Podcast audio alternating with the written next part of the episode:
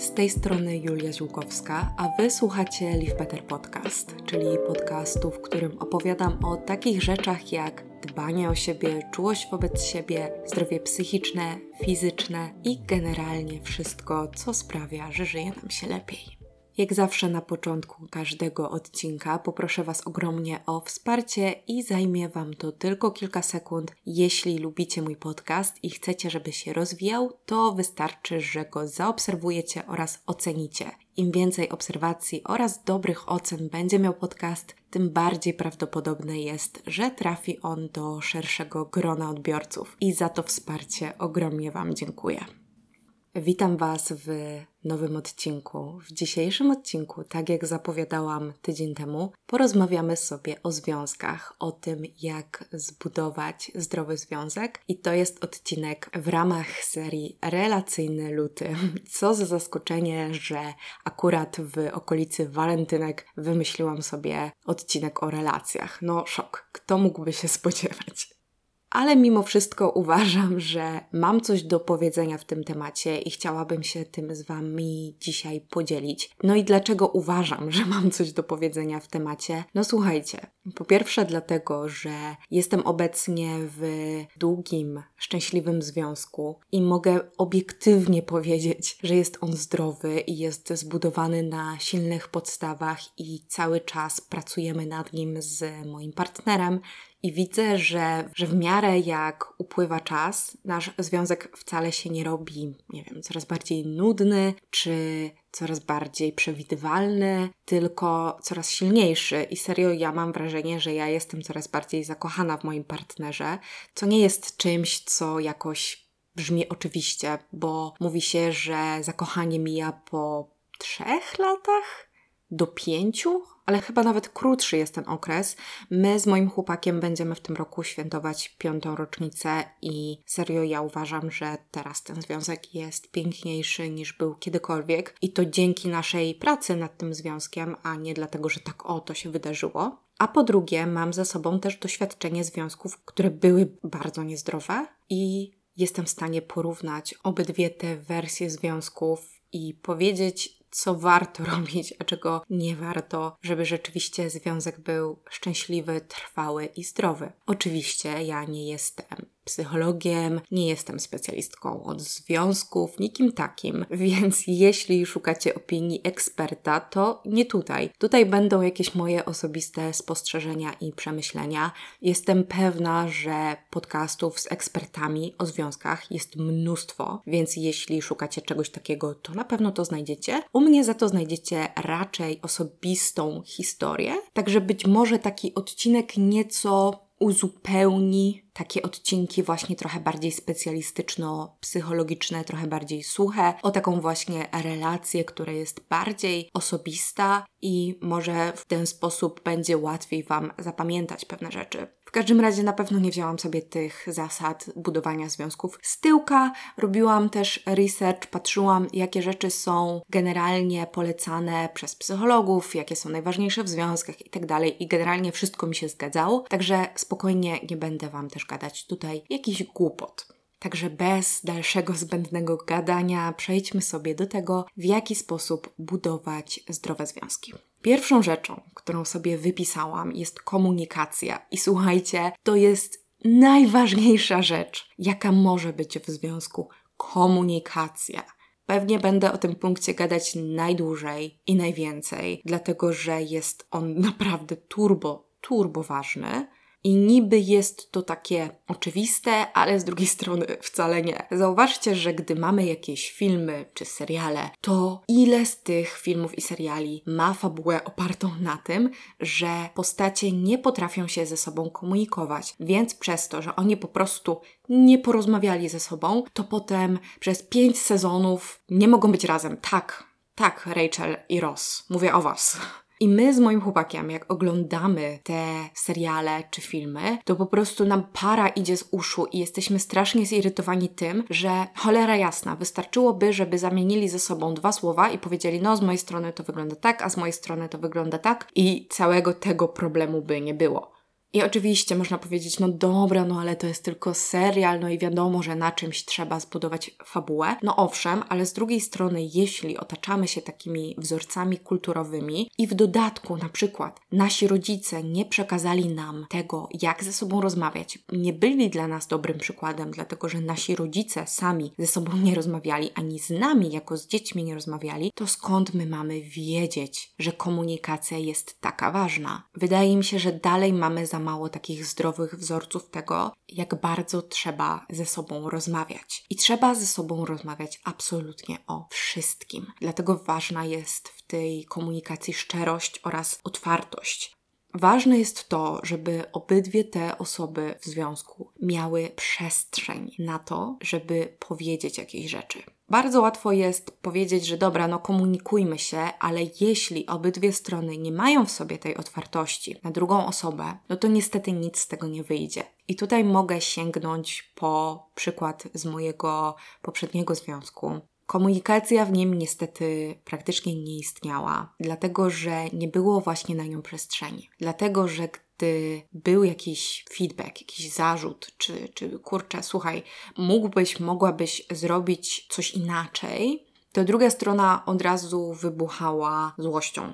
I ja też po jakimś czasie się nauczyłam, że nie ma sensu niczego komunikować, dlatego że ta rozmowa nie będzie w żaden sposób konstruktywna, tylko ja dostanę rykoszetem, bo zwróciłam komuś uwagę. I nie dość, że zazwyczaj reakcją na to, że ja mówiłam coś, że słuchaj, moglibyśmy coś zmienić, była właśnie złość czy zaprzeczenie, to jeszcze prowadziło to krok dalej, czyli do nieszczerości, bo ja nauczyłam się tego, że skoro nie mogę się skomunikować zdrowo z drugą osobą, no to nie mogę być też szczera, dlatego że to będzie dokładnie na takiej samej zasadzie, że jeśli będę szczera, to dostanę rykoszetem. I ten związek niestety, ale był oparty na takim braku komunikacji, więc ciężko było na czymkolwiek pracować. Mój obecny związek jest od początku bardzo, bardzo komunikatywny. My z moim partnerem rozmawiamy absolutnie o wszystkim i mój chłopak mnie tego nauczył. Ja wcześniej tego nie umiałam nie miałam takich dobrych wzorców. Właśnie przez to, że moi rodzice się ze sobą nie umieli komunikować, że obydwoje wybuchali złością, że nie było w tym ich związku takiej właśnie otwartości na drugą osobę i szacunku do tego, co ona ma do powiedzenia. A filmy i seriale, jak wiadomo, pokazywały nam, że w związku najlepszym sposobem radzenia sobie z trudnymi emocjami jest, nie wiem, silent treatment, jest strzelenie focha, wyjechanie, pokłócenie się, wybuch itd. To ja kompletnie nie umiałam tego robić i nauczył mnie dopiero tego mój obecny partner. I my naprawdę rozmawiamy ze sobą o wszystkim. I to od samego początku. I słuchajcie, to jest dosyć trudne, dlatego że od początku też chcemy wypaść jak najlepiej przed drugą stroną. Więc ciężko jest poruszać jakieś tematy, które mogą sprawić, że to feng shui związkowe będzie zaburzone i że my już nie wypadniemy tak dobrze w oczach drugiej osoby. Ale to jest konieczne i potrzebne. Dlatego, że jeśli od początku komunikujemy rzeczy, które są dla nas jakieś problematyczne, rzeczy, które zauważamy, czy rzeczy, które w nas siedzą, to budujemy na tym, budujemy silne, mocne fundamenty i od razu możemy pracować z jakimiś problemami. Jeśli czegoś nie zakomunikujemy z kolei, to druga osoba się nie domyśli. Nie domyśli się, że my jesteśmy źli, że nie pozmywała naczyń, albo że ostatnio dziwnie się zachowujemy, bo mamy w sobie dużo lęku i potrzebujemy od tej osoby więcej wsparcia, albo wiecie, no cokolwiek, tak? Druga osoba się nie domyśli, jeśli my nie powiemy prosto. I komunikować się trzeba naprawdę totalnie o wszystkim. Myślę, że komunikacja to nie jest tylko i wyłącznie opowiedzenie sobie swojego dnia czy wieczne rozmawianie, oczywiście, co jest super ważne, ale to jest też właśnie zwracanie uwagi na rzeczy, które chcemy, żeby druga strona o nas wiedziała, od najmniejszego kalibru do największego kalibru. Najmniejszym kalibrem może być coś takiego codziennego, coś takiego organizacyjnego, czyli na przykład sprawa taka, że słuchaj, kochanie, zawsze ja robię zakupy spożywcze albo w większości i praktycznie ja zawsze za to płacę. Nie zawsze pamiętam, żeby ci powiedzieć, ile mi przelać, czy ty nie zawsze pamiętasz, żeby mi oddać pieniądze, więc może co ty na to, że zrobimy sobie wspólne konto, na które będziemy przelewać tylko i wyłącznie pieniądze na zakupy spożywcze i będziemy z tego konta za nie płacić. Dajmy na to. To mogą być takie właśnie rozmowy o emocjach, które w nas siedzą, bo to nie musi być oczywiście komunikacja, która dotyczy tylko i wyłącznie tego, co zauważyliśmy w naszym partnerze, co naszym zdaniem powinien zmienić. Tylko to może być też taka rozmowa w stylu: No właśnie, słuchaj, jestem teraz zmęczona i proszę cię, daj mi teraz przestrzeń, bo nie jestem w stanie poświęcić tobie uwagi. I jeśli będziesz domagać się teraz tego, żebym się tobą zajęła, to niestety, ale prawdopodobnie doprowadzi to do kłótni, więc daj mi x czasu na odpoczynek, na ochłonięcie, daj mi po prostu czas dla siebie i nie ma to nic wspólnego z tobą, tak? Nie jestem na ciebie zła, nie jestem na ciebie obrażona, nic się nie wydarzyło, potrzebuję tego czasu dla siebie. A bardzo łatwo jest wyjść w takiej sytuacji z takiego miejsca frustracji, z miejsca złości, gdzie łatwo tutaj o kłótnie, zauważcie. Gdy na przykład jesteśmy zmęczeni, to bardzo łatwo jest po prostu warknąć na drugą osobę na takiej zasadzie, dobra, daj mi spokój. I ta druga osoba myśli, że to ona zrobiła coś źle, a ten problem leży w nas. I ważną zasadą w komunikacji jest to, żeby nie komunikować się z miejsca negatywnych emocji, czyli nie komunikować się z miejsca irytacji, frustracji, zmęczenia, głodu. Ja zauważyłam już dawno, że jeśli z moim chłopakiem jesteśmy głodni albo zmęczeni, no to to niestety, ale nasza komunikacja w większości będzie, no, średnio miła, średnio przyjemna, bo obydwoje nie mamy w sobie przestrzeni, żeby dbać o emocje drugiej osoby. Więc nauczyliśmy się, że kiedy jesteśmy głodni lub zmęczeni, to najczęściej milczymy albo mówimy, dobra, nie rozmawiajmy o tym teraz, albo rozpoznajemy to w sobie i wiemy, że będziemy teraz prawdopodobnie bardziej zirytowani. I ja w sytuacjach, gdy jestem na przykład bardzo głodna, to teraz już nie daje się ponosić emocjom, dlatego że ja wiem, jak reaguję w takich sytuacjach. Widzicie, to jest też nauka samych siebie, naszych reakcji, tego, jak odzywamy się do drugiego człowieka pod wpływem różnych czynników. Więc teraz, nawet kiedy jestem w złym humorze przez coś, to jestem w stanie to tak na chłodno zaobserwować i nie muszę nawet milczeć, tylko jestem w stanie znaleźć w sobie ten spokój, żeby komunikować się z mojego wnętrza, a nie z tych emocji, które mną targają. I wiecie, jak się mówi, że ktoś coś robi jak stare dobre małżeństwo, to wydaje mi się, że właśnie takim robieniem czegoś jak stare dobre małżeństwo jest właśnie niezwalanie winy na kogoś. I to właśnie łączy się z tą komunikacją, która ma nie wychodzić z negatywnych emocji dlatego że bardzo łatwo jest w takich chwilach nerwów i złości o to, żeby obwinić kogoś za coś. Ja mam takie tendencje, wiem to o sobie, że gdy jestem zła, to jestem w stanie opierdolić mojego chłopaka od góry do dołu za coś, czemu on nie jest winien, czego on nie zrobił dlatego że ja po prostu próbuję wyładować na nim emocje. I warto tutaj zachować się jak tacy ludzie, którzy już wiedzą lepiej, którzy już wiedzą, że ta sytuacja nie jest niczyją winą. Ostatnio właśnie jak czytałam książkę, jak czytałam Jerzy Cjadę, chyba jedną z ostatnich części albo ostatnią część, to była taka sytuacja, gdzie dwójka bohaterów, właśnie pięćdziesięcioparoletnie małżeństwo, robiło sobie piknik i złapała ich burza i skryli się pod jakimś daszkiem, ale obydwoje zapomnieli wziąć koszyka z jedzeniem, więc patrzyli tylko jak ulewa, zalewa im ten koszyk, a sami byli strasznie głodni. I to jest potencjalnie sytuacja, w której łatwo właśnie okłótnie i powiedzenie: Dlaczego nie wziąłeś koszyka? Przecież wiedziałeś, że go musimy wziąć. No i oczywiście tak samo możemy to odnieść do siebie. No, też mogłam wziąć ten koszyk, tak? I właśnie autorka tam napisała, że jako stare, dobre małżeństwo byli już za mądrzy na to, żeby obwiniać siebie nawzajem o to, że któreś z nich nie wzięło tego koszyka. O tym warto pamiętać, tego się warto nauczyć i myślę, że jesteśmy w stanie się tego nauczyć, bo tak jak mówię, to nie jest tak, że ja zawsze byłam zajebista w komunikacji i tak i taka po prostu samoświadoma i tak umiałam wszystko powiedzieć drugiej strony nie, no wcale nie. Parę lat temu naprawdę jeszcze tego nie umiałam. Zresztą na początku tego mojego związku też tego nie umiałam. I dopiero się tego nauczyłam. I tak jak mówiłam o tym, żeby komunikować sprawy małego i średniego kalibru, to oczywiście trzeba komunikować też sprawy dużego kalibru, takie, które potencjalnie są strasznie trudne i potencjalnie nawet mogłyby nam rozwalić związek, jeśli nie zajmiemy się tym, żeby pokazać jej drugiej osobie, że słuchaj, tu leży problem. No i dobra, podam przykład i mam wrażenie, że ten przykład będzie mocny i że Polska nie jest jeszcze na niego gotowa, no ale trudno, ktoś musi być tym przodownikiem i uwaga, powiem to. Na przykład, w takiej sytuacji, gdy w związku, powiedzmy, jedna osoba ma większe libido, ma większe potrzeby seksualne i odczuwa częściej, na przykład podniecenie na widok innych osób i chciałaby uprawiać seks z innymi osobami, tak? No to wydaje nam się tak generalnie, na pierwszy rzut oka, że to jest sytuacja niezdrowa. No przecież ta osoba jest w związku, więc powinna pragnąć tylko swojego partnera albo swojej partnerki i nie patrzeć na inne osoby, dlatego że to jest zdrada.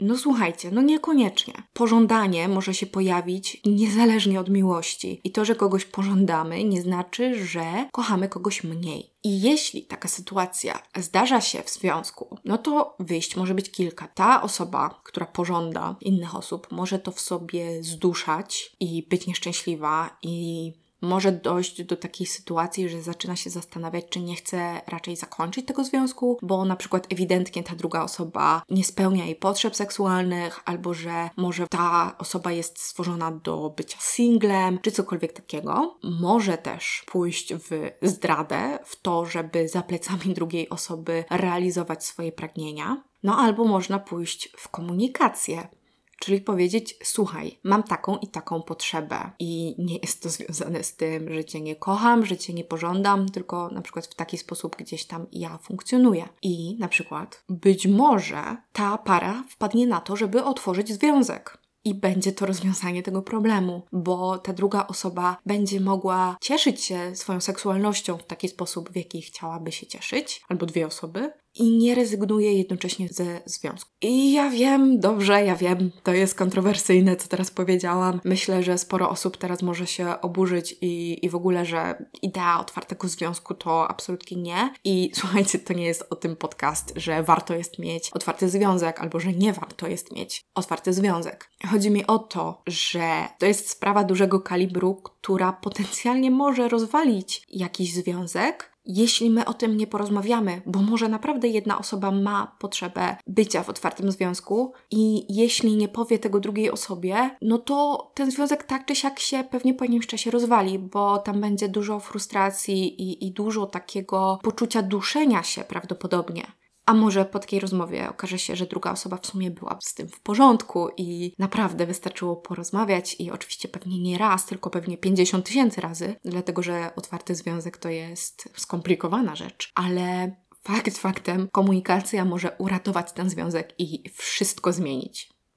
No i prowadzi nas to też do tego, że oczywiście w komunikacji ważna jest szczerość i to, żeby dla drugiej strony była przestrzeń na tą szczerość. Dlatego, że bardzo łatwo jest myśleć o tym, że szczerość jest dla nas ważna, ale dopóki ta szczerość nie okaże się bolesna, dopóki szczerość nie okaże się w sumie minusem, bo może właśnie nie każdy chce wszystko usłyszeć, ale moim zdaniem szczerość jest najważniejsza i trzeba mieć po prostu w sobie taką umiejętność komunikowania rzeczy, żeby pokazywać troskę i miłość drugiej osobie, nawet kiedy są to rzeczy potencjalnie trudne. Wracając do poprzedniego przykładu, Myślę sobie, że w takiej sytuacji otwartego związku, komunikacji, tego, że ktoś chce otwartego związku, można bardzo łatwo poczuć się zranionym, że się nie wystarcza drugiej osobie. I tutaj trzeba mieć w sobie poza szczerością jeszcze ogromną ilość czułości, empatii i życzliwości do drugiej osoby.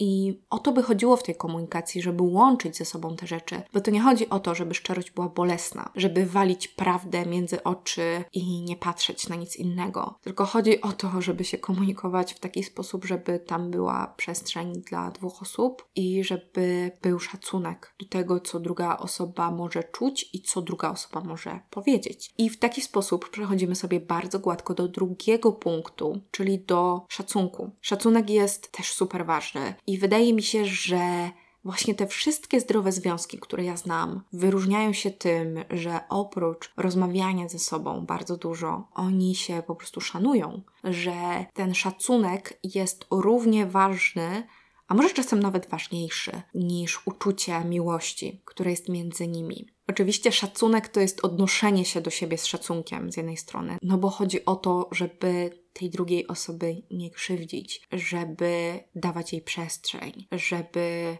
szanować to, co ona ma do powiedzenia, niezależnie od sytuacji. Z drugiej strony, szacunek to jest też dawanie przestrzeni drugiej osobie, żeby ona była taka, jaką chce być. Znam bardzo dużo związków z drugiej strony, w których nie ma szacunku dla tego, co sobą reprezentuje druga osoba. Jest za to dużo niezrozumienia i wyśmiewania się. Szacunek to jest danie przestrzeni drugiej osobie na to, żeby była taka, jaką chce, czyli żeby ubierała się w taki sposób, w jaki chce, żeby jadła w taki sposób, w jaki chce, żeby interesowała się tym, czy chce, czy pracowała tam, gdzie chce bardzo łatwo jest w związku, żeby jedna osoba weszła na głowę drugiej właśnie przez taki brak szacunku.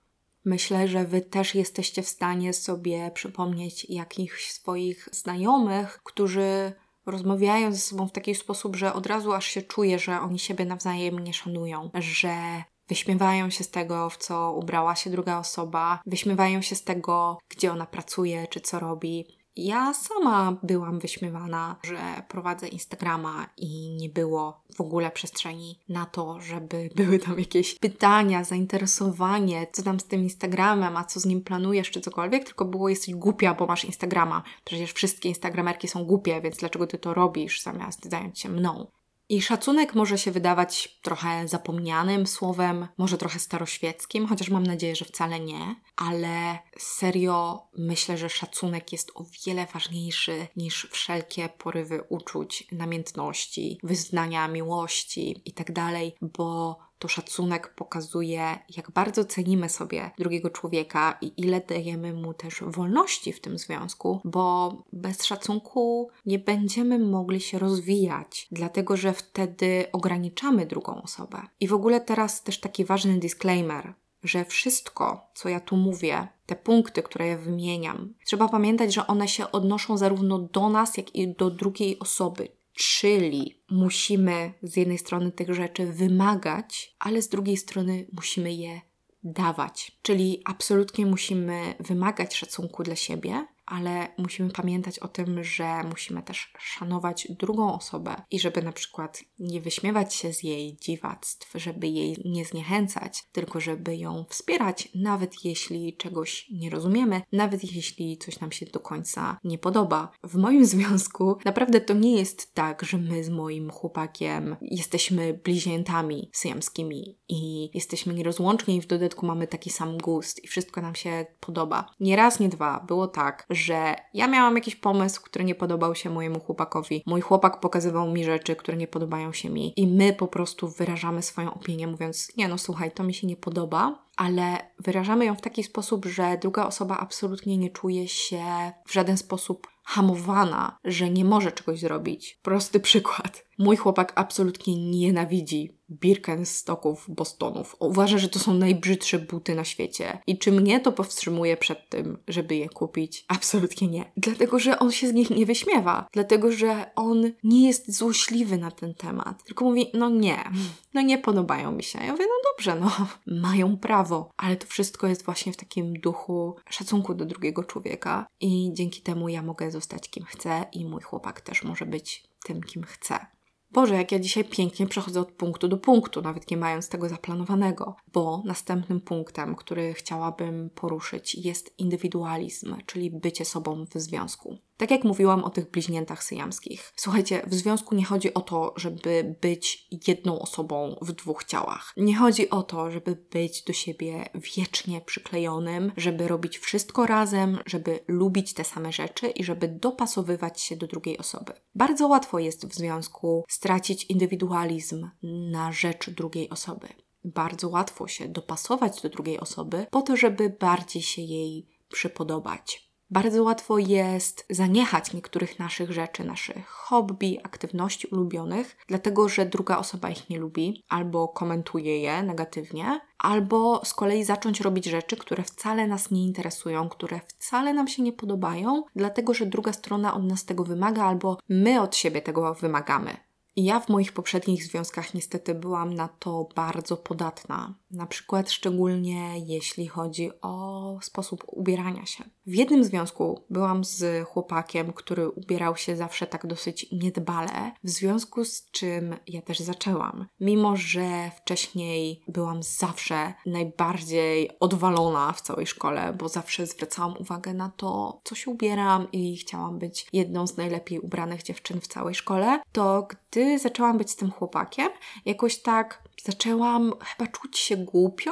że on chodzi w dresach, a ja tak bardzo się stroję i zaczęłam chodzić w coraz bardziej luźnych, sportowych ciuchach, które w ogóle nie były w moim klimacie. I gdy powiedziałam mojej mamie, że o, ale fajnie, że ostatnio tyle czasu nie spędzam nad tym, żeby myśleć, w co się ubrać, to moja mama na mnie spojrzała i powiedziała, no albo ubierasz się pod swojego chłopaka. I wtedy do mnie to dopiero dotarło, że ja rzeczywiście zmieniłam ten styl pod jego wpływem. I tak samo było w związku następnym, że mój chłopak uwielbiał krótkie spódniczki i obcasy i ja cały czas w nich chodziłam, mimo że wtedy już miałam świadomość, że to nie jest moje i mi się to nie podobało. Ja się w tym nie czułam dobrze i nawet nie wmawiałam sobie, że czuję się dobrze, ale tak bardzo starałam się dopasować pod jego upodobania i pod to, co on lubi, że ja chodziłam w tych przeklętych spódniczkach mimo że ja naprawdę, naprawdę nie lubię spódnic. I oczywiście takie zatracenie indywidualizmu może mieć miejsce w różnych sferach życia. To może być właśnie rzucenie jakiegoś hobby. Ja na przykład porzuciłam fotografię, dlatego że mój były chłopak był bardziej zainteresowany fotografią niż ja i czułam, że no okej, okay, skoro on robi zdjęcia i robi lepsze niż ja, to bez sensu, żebym ja się tym zajmowała i była potencjalnie krytykowana, więc nie będę się tym zajmować. Indywidualizm to jest też pozwolenie na to, żeby dwie strony w związku lubiły różne rzeczy. Nie musimy lubić tych samych rzeczy, a mam wrażenie, że to jest też dosyć częsta koncepcja, że w związku powinniśmy być do siebie dopasowani i lubić te same rzeczy. No słuchajcie, niekoniecznie. Oczywiście, jeśli jesteśmy do siebie bardziej dopasowani, to pewnie jest trochę łatwiej. W stylu, jeśli obydwie osoby lubią jeździć w góry, no to super, bo mogą jeździć razem. Ale serio, nic się nie stanie, jeśli jedna osoba kocha chodzić po górach, a druga kocha chodzić po mieście, bo można to łączyć, albo w ogóle tego nie trzeba łączyć, tylko na przykład jeździć w góry ze swoją przyjaciółką albo przyjacielem, zamiast ciągnąć tam swojego partnera, który nienawidzi gór na przykład nie musimy mieć tych samych zainteresowań, nie musimy mieć tych samych pomysłów na spędzanie czasu i nie musimy się dopasowywać pod drugą osobę. Myślę, że czasem można, żeby sprawić przyjemność drugiej osobie. Na przykład mój chłopak jest totalnie mieszczuchem, ja jestem totalnie team natura i obydwoje chodzimy na kompromisy i czasem jeździmy sobie na jakiś city break po to, żeby pochodzić po mieście, po kawiarniach, po knajpach, a czasem jedziemy na kompletne wypizdowo po to, żebyśmy mogli posiedzieć w dwójkę na leżakach i mój chłopak też to enjoyuje, mimo że to nie jest jakiś tam jego ulubiony sposób spędzania czasu, ale robi to dla mnie dlatego, że wie, że ja to lubię. Ale to nie jest tak, że jedno z nas teraz porzuca to, co lubi i teraz zawsze jeździmy albo do miasta, albo w naturę. Nie. Jest przestrzeń na to, żeby każde z nas było sobą i przestrzeń na to, żeby być zainteresowanym tym, że jesteśmy różni. I albo próbujemy to jakoś zgrać, albo mówimy, no dobra, no to tę część życia będę prowadzić na własną rękę i naprawdę nic się nie stanie, jeśli zrobimy coś osobno. I tutaj gładko mogę przejść do niezależności. Indywidualizm i niezależność mogą być do siebie podobne i oczywiście one się jakoś pokrywają, ale nie do końca są tym samym, bo niezależność to jest na pewno niezależność finansowa. To jest bardzo ważne, dlatego że w związku niezależność finansowa pozwala nam być po prostu ludźmi wolnymi, ludźmi, którzy mogą podejmować własne decyzje i nie być, no właśnie, zależnym od nikogo. Zależność finansowa moim zdaniem jest zawsze niespecjalnie korzystną opcją, niezależnie czy jesteśmy uzależnieni finansowo od naszych rodziców, od partnera, czy od kogokolwiek, to jest zawsze rzecz, która w pewnym momencie nas ugryzie w dupę, więc warto jest zabezpieczyć się finansowo tak, żeby w razie czego zawsze mieć pieniądze na swoje własne życie. Że oczywiście z jednej strony w ramach kryzysu, jeśli w związku wydarzyłby się jakiś kryzys, to żeby można było się bez problemu spakować i odejść, ale z drugiej strony też po to, żeby w trakcie trwania związku siły były wyrównane. I oczywiście nie chodzi o to, że trzeba koniecznie zarabiać tyle samo, czy wnosić tyle samo, bo czasem to jest po prostu niemożliwe, ale myślę, że fajne jest to, gdy w związku obydwie strony mogą czasem zaprosić drugą stronę na obiad albo gdzieś zabrać, a nie, że zawsze jedna osoba musi to robić, bo to też prowadzi w pewnym sensie do jakiejś zależności, gdy zawsze jedna osoba płaci. To jest jedna sprawa. Druga sprawa z niezależnością to jest kolejne oblicze tego, żeby nie być bliźniętami siamskimi, czyli to, że jesteśmy w związku, ale dalej jesteśmy odrębnymi istotami i możemy robić rzeczy niezależnie od siebie. Czyli ja mogę wyjechać na obóz jogowy na tydzień i mój chłopak nie ma nic do gadania. Tak samo mój chłopak może wyjechać z kolegami na kajaki i ja też nie mam nic do gadania. Albo wyjechać za granicę i nie musimy robić wszystkiego razem. Możemy być od siebie niezależni. I to jest fajne, bo to też daje taką przestrzeń, żeby ze sobą zatęsknić i żeby trochę zmienić otoczenie, a nie żeby być zawsze i wszędzie na siebie skazanym. Oczywiście ja kocham jeździć na wakacje z moim chłopakiem i to jest absolutnie mój numer jeden, jeśli chodzi o spędzanie wolnego czasu, ale lubię też to, że czasem mogę wyjechać solo albo czasem mogę wyjechać z przyjaciółką, bo to mi daje taką wolność i taki smak życia, że to życie jest ciekawsze i nie muszę zawsze robić wszystkiego z jedną osobą, nawet jeśli to jest moja ukochana osoba na świecie. No i ostatnią rzeczą, którą sobie wypisałam, jest to, żeby poznać języki miłości, swoje oraz partnera. Języki miłości to są te sposoby, w jaki my pokazujemy, że kogoś kochamy i w jaki odbieramy, że ktoś nas kocha. I te języki to jest dotyk, słowa uznania, quality time, czyli spędzanie razem czasu, prezenty i przysługi oraz oddanie, czyli robienie czegoś dla kogoś. I dlaczego to jest ważne? No dlatego, że jeśli będziemy okazywać miłość i jeśli miłość będzie nam okazywana w językach miłości, w których my nie mówimy i których my nie rozumiemy, no to niestety, ale możemy czuć się niekochani, mimo że druga osoba będzie dawała z siebie wszystko. No i oczywiście tutaj też wchodzi komunikacja, czyli powiedzenie drugiej osobie, w jaki sposób my okazujemy miłość i w jaki sposób my odbieramy miłość. I znowu przykład z mojego związku. Moim sposobem okazywania miłości jest dotyk oraz quality time. I ja najbardziej pokazuję drugiej osobie, że ją kocham przez przytulanie, przez głaskanie, przez całowanie, ale też przez właśnie spędzanie czasu razem. Kiedy idziemy na śniadanie, kiedy idziemy na spacer, kiedy wyjeżdżamy gdzieś razem. A na przykład ja kompletnie nie rozumiem słów afirmacji oraz prezentów to totalnie nie są moje języki miłości. Z kolei mój chłopak bardzo silnie ulokowane ma słowa afirmacji. Dla niego ważne jest to, żeby usłyszeć pewne rzeczy. I kiedyś on mi też powiedział, że on się czuje taki niedoceniany i niekochany, bo ja mu nie mówię, że on jest dla mnie ważny. No co ja na niego spojrzałam, oczywiście jak na debila, na takiej zasadzie, jak możesz czuć się niedoceniany i niekochany? Przecież spędzam z tobą tyle czasu, robimy tyle fantastycznych rzeczy, ciągle cię dotykam, ciągle cię przytulam, ciągle cię całuję, okazuję ci miłość tak, jak potrafię. O co ci chodzi? I dlaczego ja mam ci to mówić? Czy ty tego nie wiesz?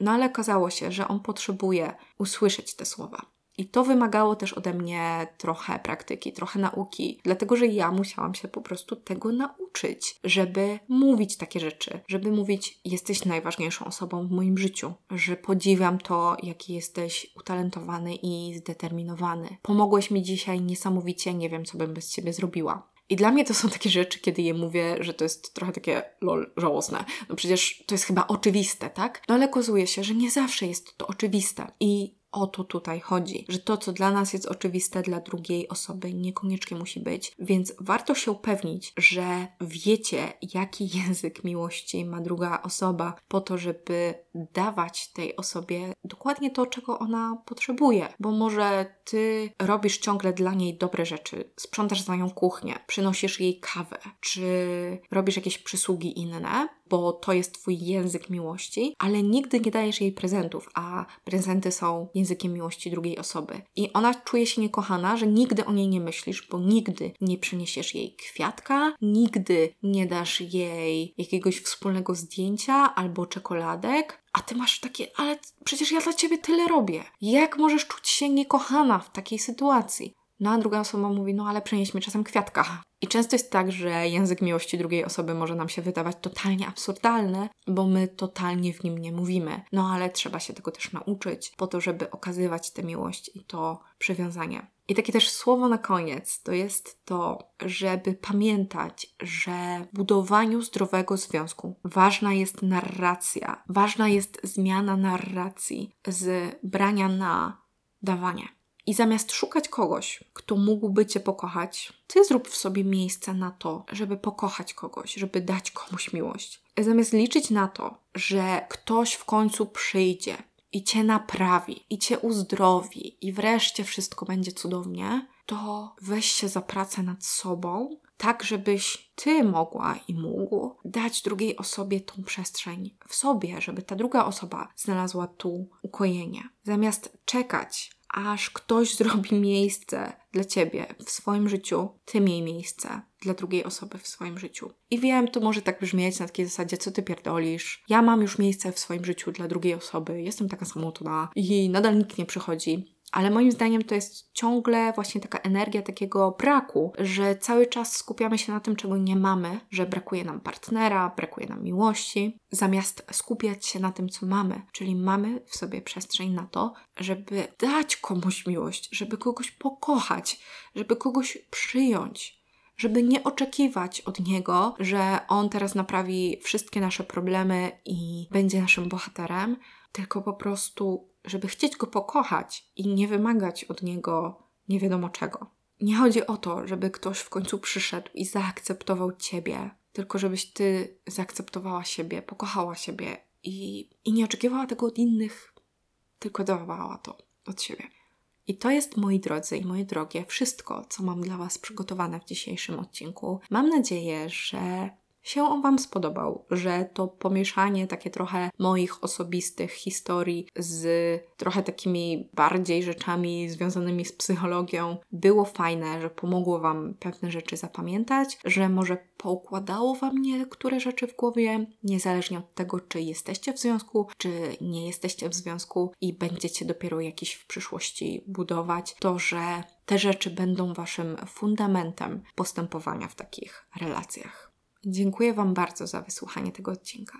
Oczywiście odsyłam Was też do poprzednich odcinków z serii Relacyjny Luty, czyli do odcinka o self-love, czyli o tym, jak zbudować relacje z samym sobą, oraz o przyjaźniach w dorosłym życiu, czyli jak dbać o takie przyjaźnie oraz jak znajdować nowe przyjaźnie, gdy jesteśmy dorośli. Myślę, że to też są wartościowe tematy i że generalnie ten cykl będzie taki bardzo kompleksowy. Za tydzień porozmawiamy sobie o czymś bardzo ekscytującym i będzie to niespodzianka. Jestem ciekawa, czy macie jakieś swoje podejrzenia, o czym może być ten ostatni odcinek relacyjnego lutego, ale na razie nic nie zdradzam. Troszeczkę się stresuję, bo temat będzie, myślę, że dosyć trudny i wymagający, ale jednocześnie potrzebny i fajny także nie mogę się doczekać. W opisie, jak zwykle, znajdziecie wszystkie moje social media. Możecie mnie znaleźć na Instagramie, na YouTubie, na TikToku, na blogu i wszędzie tam możecie do mnie pisać. Bardzo Was do tego zapraszam. Uwielbiam rozmowy z Wami.